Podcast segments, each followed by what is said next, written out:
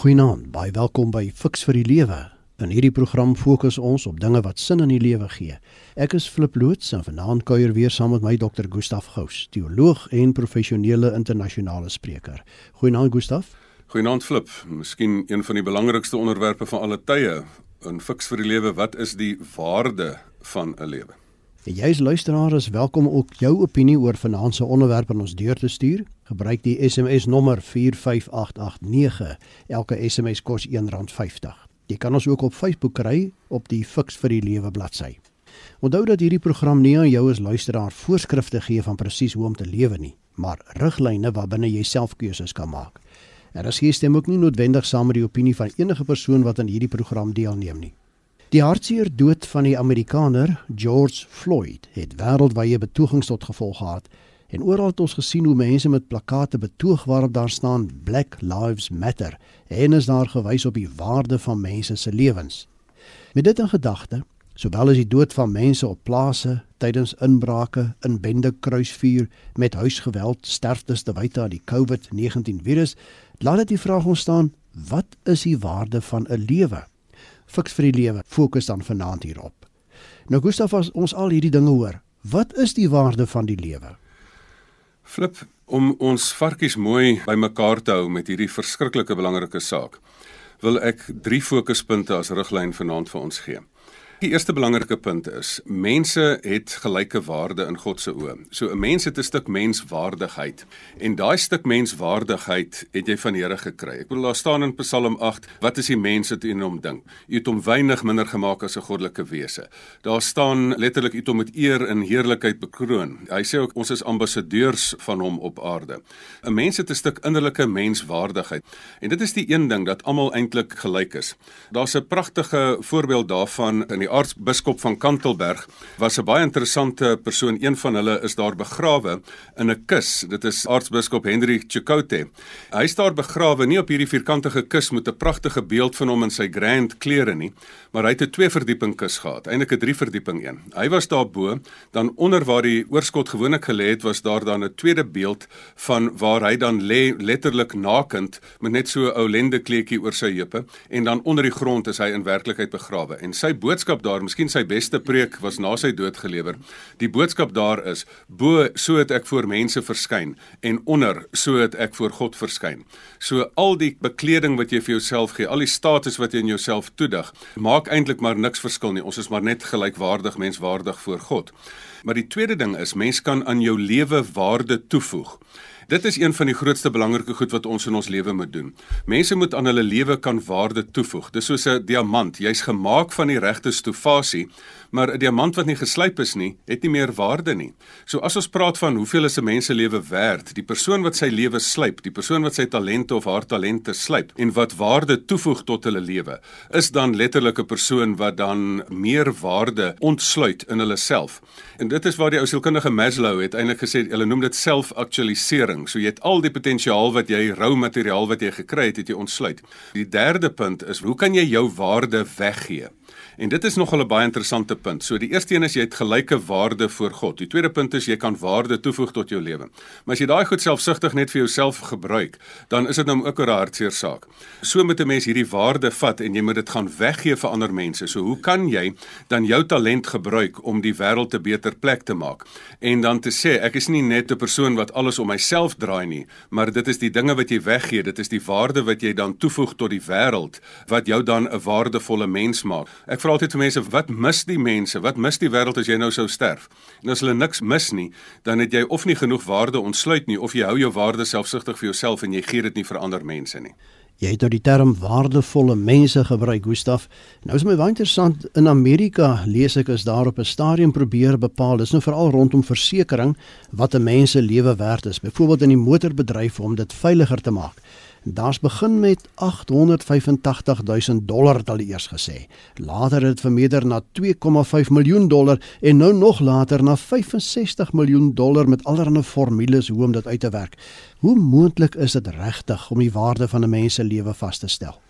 Ag ek dink in daai opsig is dit baie interessant dat hierdie formules is daar. So mens kan ook vir jouself vra maar hoeveel is jou tyd werd want lewe is tyd. As jy jou salaris vat en jy deel dit deur die hoeveelheid ure wat jy werk, dan weet jy wat is jy werd per uur. Natuurlik is daar sulke berekenings wat mense maak. Maar o genade, dit is nie regtig die manier van om waarde te bepaal nie. Ek dink ons moet gaan na daai ou kredietkaartgroep wat gesê het met hierdie kaart kan jy iets koop wat koste het, maar die ander goederes is hulle woord was priceless. Dit is onmoontlik om daai waarde te bereken. Jou waarde in jou lewe is veel meer werd as wat enige geld kan bereken. As mens dan sê jou waarde wat jy in sigself het as 'n mens is dan so um, sogenaamd priceless, dan is die tweede ding as jy waarde toevoeg aan jouself, dan moet 'n mens tog ook 'n bietjie krediet gee. Dat as daar mense is wat geld gemaak het en hulle praat van jou netto waarde, hoeveel miljoen of biljoen is jy werd, dan kan jy sê as dit op 'n eerlike manier bekom is, kan jy sê maar goed, hierdie persoon het daarom iets gedoen met sy lewe. Baie keer bereken hulle ook hierdie waarde in tyd. Daar's tydskrifte met die woord longevity met ander woorde langs lewendheid. Hulle sê so jy het 'n goeie lewe as jy lank lewe. Ek sê nee, as jy 'n lang slegte lewe het, is dit sleg. Dit is nie die hoeveelheid dae in jou lewe nie, dis die hoeveelheid lewe in jou dae wat tel. Miles Monroe het selfs gesê dis nie hoe lank jy leef nie, dit is hoe effektief jy leef.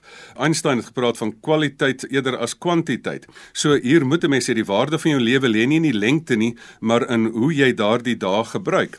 Maar dan is die ander manier hoe mense dit dan ook meet is prestasie. As jy in die top van jou veld. In sport wil jy die um, Olimpiese spele medalje en bergklim wil jy die sewe groot pieke, die sogenaamde seven summits klim.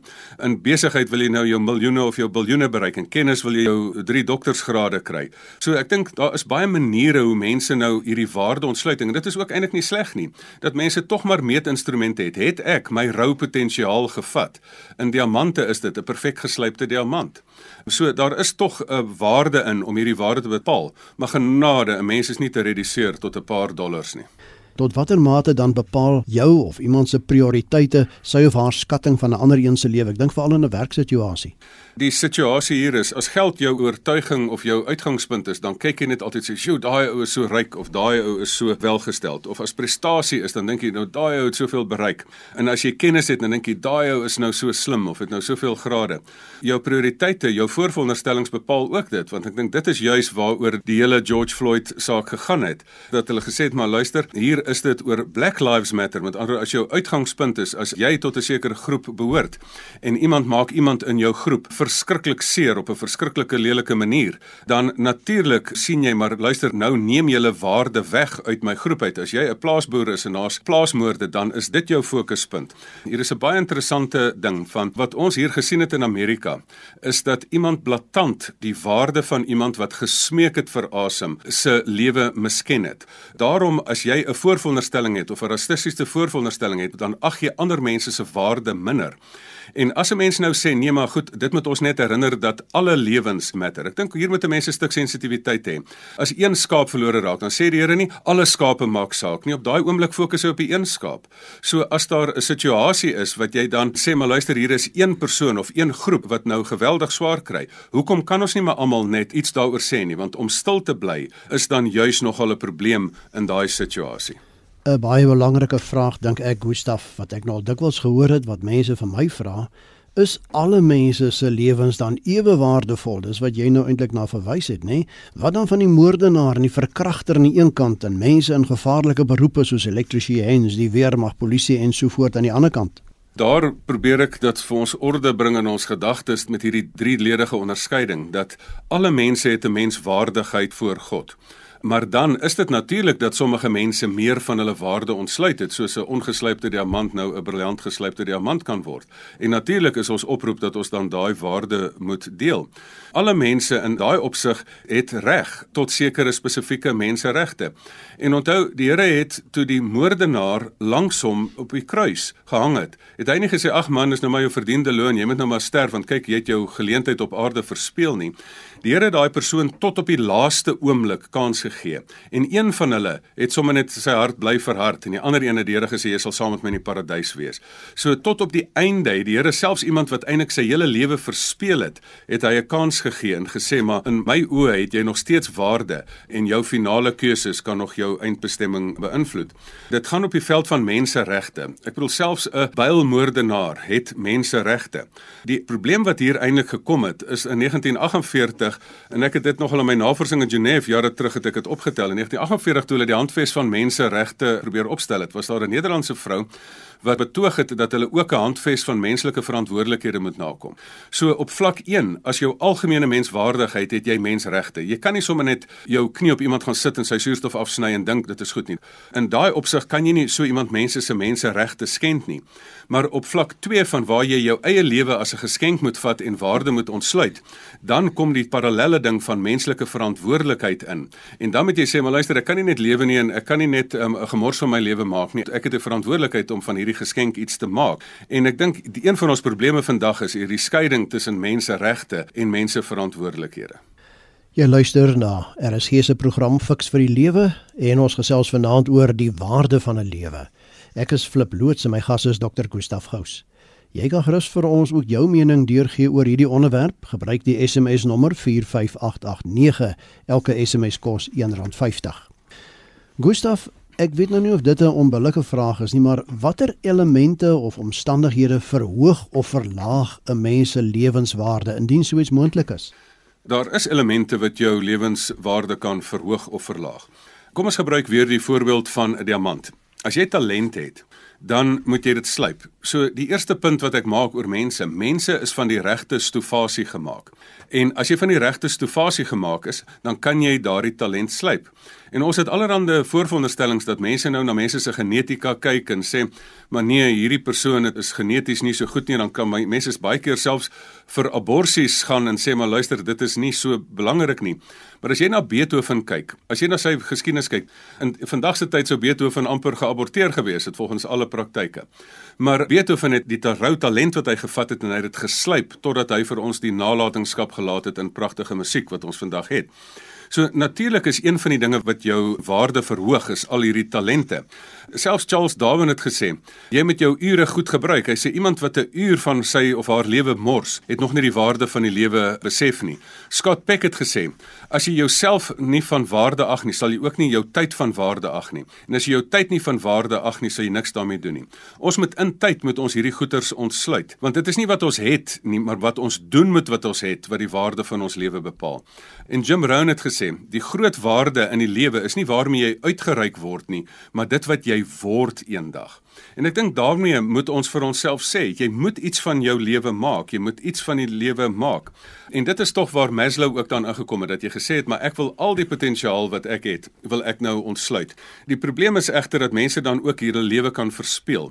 Dat mense nommer 1 nie hulle talent gebruik nie, dat hulle dit in verslawings insit en wegbêre, dat hulle te lui is om dit te ontsluit en dat hulle dan selfsugtig nie eers as jy dit ook gedoen het, dan nie daai waarde vir ander mense wil gee en die wêreld 'n beter plek maak nie. Jy verlaag jou lewenswaarde as jy net 'n verbruiker is tot eie selfsugtige belang en nie 'n persoon 'n verskilmaker nie. As jy net 'n toerist is en nie 'n transformeerder is nie.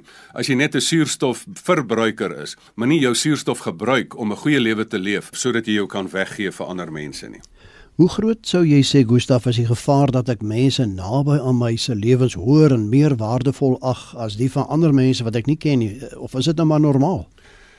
Natuurlik het 'n mens geneigtheid dat jou eie groep vir jou baie nader in die hart lê. As jy 'n boer is en daar's 'n plaasmoord, dan voel jy dit aan jou eie vel. As jy 'n swart Amerikaner is en hulle vermoor een van jou landgenote, dan lê dit baie naby aan jou vel. So, dit is glad nie sleg dat jy kan sê maar ek sit in hierdie situasie van dat ek simpatie het met my eie groep nie.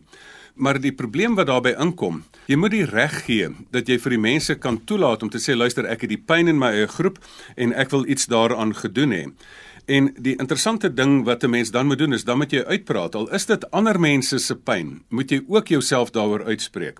Weet jy wat 'n Churchill gesê het? Hy het gesê na alles wat ons sal onthou, is nie die woorde en die dade van ons vyande nie, maar die stilte van ons vriende.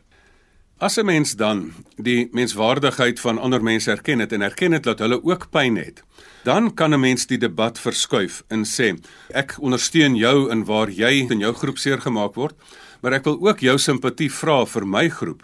Dan kan 'n mens sê, um, sonder om iemand kwaadlik te neem en sê maar luister, ek ondersteun jou 100%. Daar is rou en blaatante onreg wat teen jou groep gepleeg is, maar sien ook asseblief die onreg wat teenoor my groep gepleeg word raak dan kan 'n mens sê maar sien ook dalk die plaasmoorde raak of dan kan 'n mens ook sê maar moenie net na die Amerikaanse situasie verwys nie, maar kyk ook na Collins Khoza byvoorbeeld wat in Suid-Afrika 'n persoon is wat ook sy lewe ingeboet het. Dit is 'n tyd wat 'n mens dan gerus vir jouself kan sê, jy het die reg dan ook nadat jy 'n ander persoon ondersteun het om te sê maar kyk ook na my pyn en help my ook waarmee ek swaar kry. Iemand skryf iewers Gustaf, alle lewe is waardevol, maar nie prysloos nie. Dink byvoorbeeld aan oorloë en so meer. Hy sê lewens word gedurig deur gewaardeer in die tyd waarin hulle lewe. Stem jy saam? Die filosoof Nietzsche het gesê, die waarde van 'n lewe kan nie eintlik werklik bepaal word nie. So natuurlik is 'n persoon se lewe sogenaamd prysloos en dat dit eintlik net ten waarde bepaal kan word. En wat vir my hartseer is, is dat mense ander mense se lewens goedkoop maak. Ek is 'n bietjie bekommerd daaroor oor die gemaklikheid waarmee ander mense politici met mense se lewens speel. In hulle in oorloë instuur en sommer net mense laat doodmaak. Ek is bietjie ongemaklik daarmee oor die totale gebrek aan respek wat mense het vir ander mense se lewens lewens en dat 'n misdadiger mense se lewens so goedkoop maak dat jy 'n persoon se lewe sal neem vir 'n selfoon wat jy kan steel. Dit is nogal sleg dat daar 'n tendens is in die wêreld dat hulle mense se lewens as wat eintlik uiters waardevol is as waardeloos beskou. Maar ek dink mense moet ook nie dit miskyk dat mense ook hulle eie lewe verspeel nie. Mense moet kyk waaraan bestee jy jou lewe tyd. Die persoon Henry David Thoreau het gesê, die prys van enigiets is die hoeveelheid lewe wat jy in ruil daarvoor moet gee. En dit is nogal baie belangrik dat jy ook jou eie lewe as van waarde beskou en dan iets daarmee doen. Dit is RSG met die program Fix vir die Lewe. Ons gesels vanaand oor die waarde van die lewe. Ek is Flip loods en my gas Dr. Gustaf Gous. Jy kan gerus as luisteraar jou mening oor die onderwerp vanaand deurgee deur middel van die SMS nommer 45889. Onthou net elke SMS kos R1.50. Gustav, daar is 'n mooi Bybelvers in Matteus 6 vers 26 waar ek lees: Jy's meer werd as die voeltjies. God sorg vir elkeen, hoeveel te meer sal God vir jou sorg? Hoe waar is dit vir alle mense? Dit is een van die mooiste tekste in die Bybel wat interessant genoeg al in Suid-Afrika in ons muntstukke uh, eintlik 'n plekkie gevind het.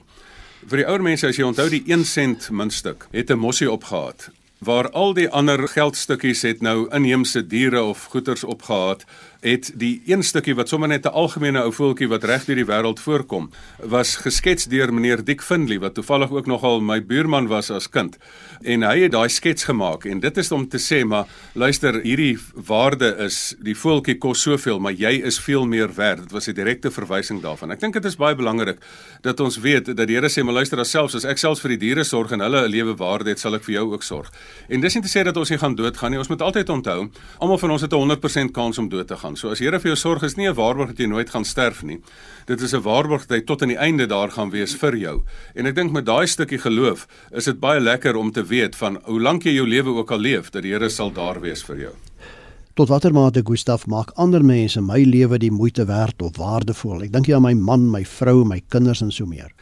Langehoven het gesê twee dinge het my lewe vir my leefbaar geword en dit is die liefde wat ek gegee het en die liefde wat ek ontvang het. En dit is baie interessant as ons weer na ons trilogie kyk en sê jy het inherente menswaarde, jy moet jou waarde ontsluit sodat jy waardevol kan wees vir ander mense. Dit is ongelooflik lekker as jy saam met mense leef wat jy dan weet maar hulle gee hulle waarde met jou en dat jy ook jou waarde met ander mense kan deel. Die diepste waarde in die lewe as jy alles wegsny is maar liefde, geloof, hoop, liefde. Dit is die liefde is die belangrikste van alles. En as jy liefde kan deel, is dit die heel belangrikste waarde wat jy kan deel. Dit is nie net lekker om liefde te ontvang nie. Kry is lekker, maar gee is lekkerder. En as jy dan jou waarde uit 'n hart van liefde uit met ander mense kan deel omdat jy regtige besorgdheid het, dan is dit mos 'n manier hoe jy die lewe 'n baie lekker plek kan maak. Jy praat nou van liefde daar in die bepaling van waarde, Gustaf, maar hoe moet ek optree teenoor mense wat nie my lewe as waardevol beskou nie? Dink jy aan inbrekers, kapers en so meer? Natuurlik het ons die reg tot selfverdediging en natuurlik het jy ook die reg as iemand jou suurstofpypie toetrap dat jy dan kan sê asseblief ek gaan opstaan en ek gaan nou protes aanteken en dis meer. Natuurlik kan jy ook beoordeel word oor hoe jy protes aanteken want as jy meer lewens kos as vir die lewens waarvoor jy veg, dan gaan mense geloofwaardigheid ook daarmee heen. Maar die feit van die saak is, ons het die reg tot selfverdediging as ander mense ons lewe bedreig. Watter rol Gustaf sou jy sê speel respek vir myself en ook vir ander in die bepaling van die waarde van iemand se lewe, myne inkluis? Kyk as jy jouself nie respekteer nie, dan gaan jy mos nie eens ander mense se lewens respekteer nie. Daarom wil ek weer net herhaal wat Charles Darwin en Scott Peck gesê het. Jy moet soveel respek vir die lewe hê dat jy besef tyd is gelyk aan lewe en lewe is gelyk aan tyd. En jy kan nie die lewe mors nie en daarom kan 'n mens ook nie tyd mors nie. Daarom moet jy ook nie ander mense se tyd mors nie. En daarom moet jy ook ander mense se lewe as van waarde beskou. Is 'n verder element wil ek hier byvoeg dat 'n mens moet kyk in opvoeding moet jy kyk wat is die taak van ouers? Jy doen waardeontsluiting in mense. Wat doen 'n baas met mense wat werk? Jy probeer waardeontsluiting doen. As jy dan 'n basiese respek vir mense het, dan doen jy dit. As jy nie respek vir mense het nie, dan misbruik en gebruik jy net ander mense tot jou eie voordeel. Ja, ongelukkig het die tyd ons ingehaal, Gustaf. Ons moet begin saamvat. Kom ons sê vir ons luisteraars vanaand, hoeveel is 'n mens se lewe werd? Ek dink die heel belangrikste is, jou lewe is selfs Jesus se lewe werd. En onthou, hier het jy 'n innerlike menswaardigheid. Al het jy nog nie punt 2 gedoen dat jy waarde in jou eie lewe ontsluit het nie, het jy 'n menswaardigheid. En weet jy een van die belangrikste goeters is, terwyl ander mense sommer gemaklik ander se lewens neem, was die een persoon in die geskiedenis, die persoon Jesus Christus wat sy lewe gegee het vir ander mense. Dit is baie mooi dat ons menswaardigheid toe ons nog niks werd was nie. Ons was eintlik in 'n baie swak toestand met 'n sogenaamde sondige natuur. So die kern daarvan, as ons dan 'n stuk menswaardigheid het, dan word ons menswaardigheid gevestig deurdat Jesus vir ons sy lewe vir ons afgelê het. So dit is die eerste punt. Die tweede punt is, dit is wonderlik om nou te sê jy het al hierdie menswaardigheid, maar as jy hierdie menswaardigheid waardigheid en die geskenk van die lewe misbruik en jouself 'n dwelmslaaf maak en jouself 'n persoon maak wat net 'n regte ou ongure karakter is en dit moeilik maak vir ander mense op aarde, dan is jy mos nou nie waardevol in die uitlewing van jou talent nie. So ons moet fokus op die volgende punt van dat al het mense gelyke waarde, moet jy regtig waarde tot jou lewe toevoeg, jy moet jou talent slyp sodat jou talent kan nuttig wees vir ander mense. Maar ag asseblief, kan ons nie net daai waarde wat jy vir jouself ontsluit verder vat as dat jy nie net na sukses streef nie, maar dat jy verby sukses gaan nadat jy van waarde sal wees. Dit is wat Einstein ook gesê het, ons moet glad nie net vir sukses streef nie, ons moet streef om van waarde te wees. En dit is dan die derde punt, dat as jy dan jou talent gebruik het en of jy 'n vaardigheid aangeleer het en of jy 'n ambag aangeleer het en of jy enige kennis versamel het, gebruik dan daai kennis tot goeie voordeel van die mensdom of van mense rondom jou. So die waarde van my lewe word eintlik bepaal. Mense gaan daaroor praat aan die einde van by jou begrafnis. As jy by jou begrafnis staan, dan gaan mense sê maar hierdie persoon was van waarde vir my en hierdie persoon gaan ek mis. My hele lewe is ek daar in waardeontsluiting vir mense om vir mense argitekspanne te gee om hulle lewe van waarde te maak. Ek spottenderwys sê ek altyd, ek doen dit omdat ek my pastoor en domineesvriende jammer kry op begrafnisse, want dan staan hulle en hierdie persoon het en dan het hulle niks om te sê nie. So hier wil ek graag mense aanmoedig, al het jy hierdie innerlike menswaardigheid, moet jy jou waarde ontsluit en moet jy dan hierdie waarde gebruik tot voordeel van ander mense, want anders gaan dit maar 'n vermors van tyd wees en 'n vermors van die geskenk van die lewe wat jy in genade gekry het. Net 'n laaste punt. As jy waarde ontsluit, sê sommige gelowe dat mense nou jou lewe gaan red. Ons moet altyd net onthou dat dit nie 'n goeie lewe is wat jou red nie, dit is genade wat jou red, maar dat jy uit dankbaarheid die motivering het om vir al die geskenke wat jy gekry het, terug te leef en dan 'n verskil te maak op aarde omdat jy soveel genade self ontvang het dit dan al 'n finansiële fiks vir die lewe. Baie dankie vir jou as luisteraar se saamgesels per SMS en baie dankie ook aan my gas Dr. Gustaf Gous vir sy bydrae. Gustaf, net weer 'n keer indien van ons luisteraars verder met jou wil kommunikeer, hoe kan hulle dit doen?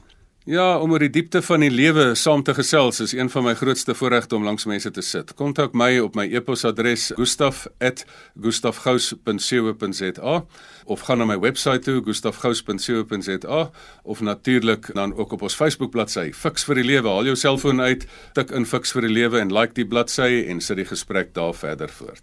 En my kontakinligting flip by mediafocus.co.za. En onthou dat hierdie program ook op RSG se webwerf onder potgooi beskikbaar sal wees bietjie later in die week. Jy kan weer daarna luister. Nou ja, tot ons weer saam kuier volgende Sondag van my en Dr. Gustaf. Alles wat mooi is. Totsiens.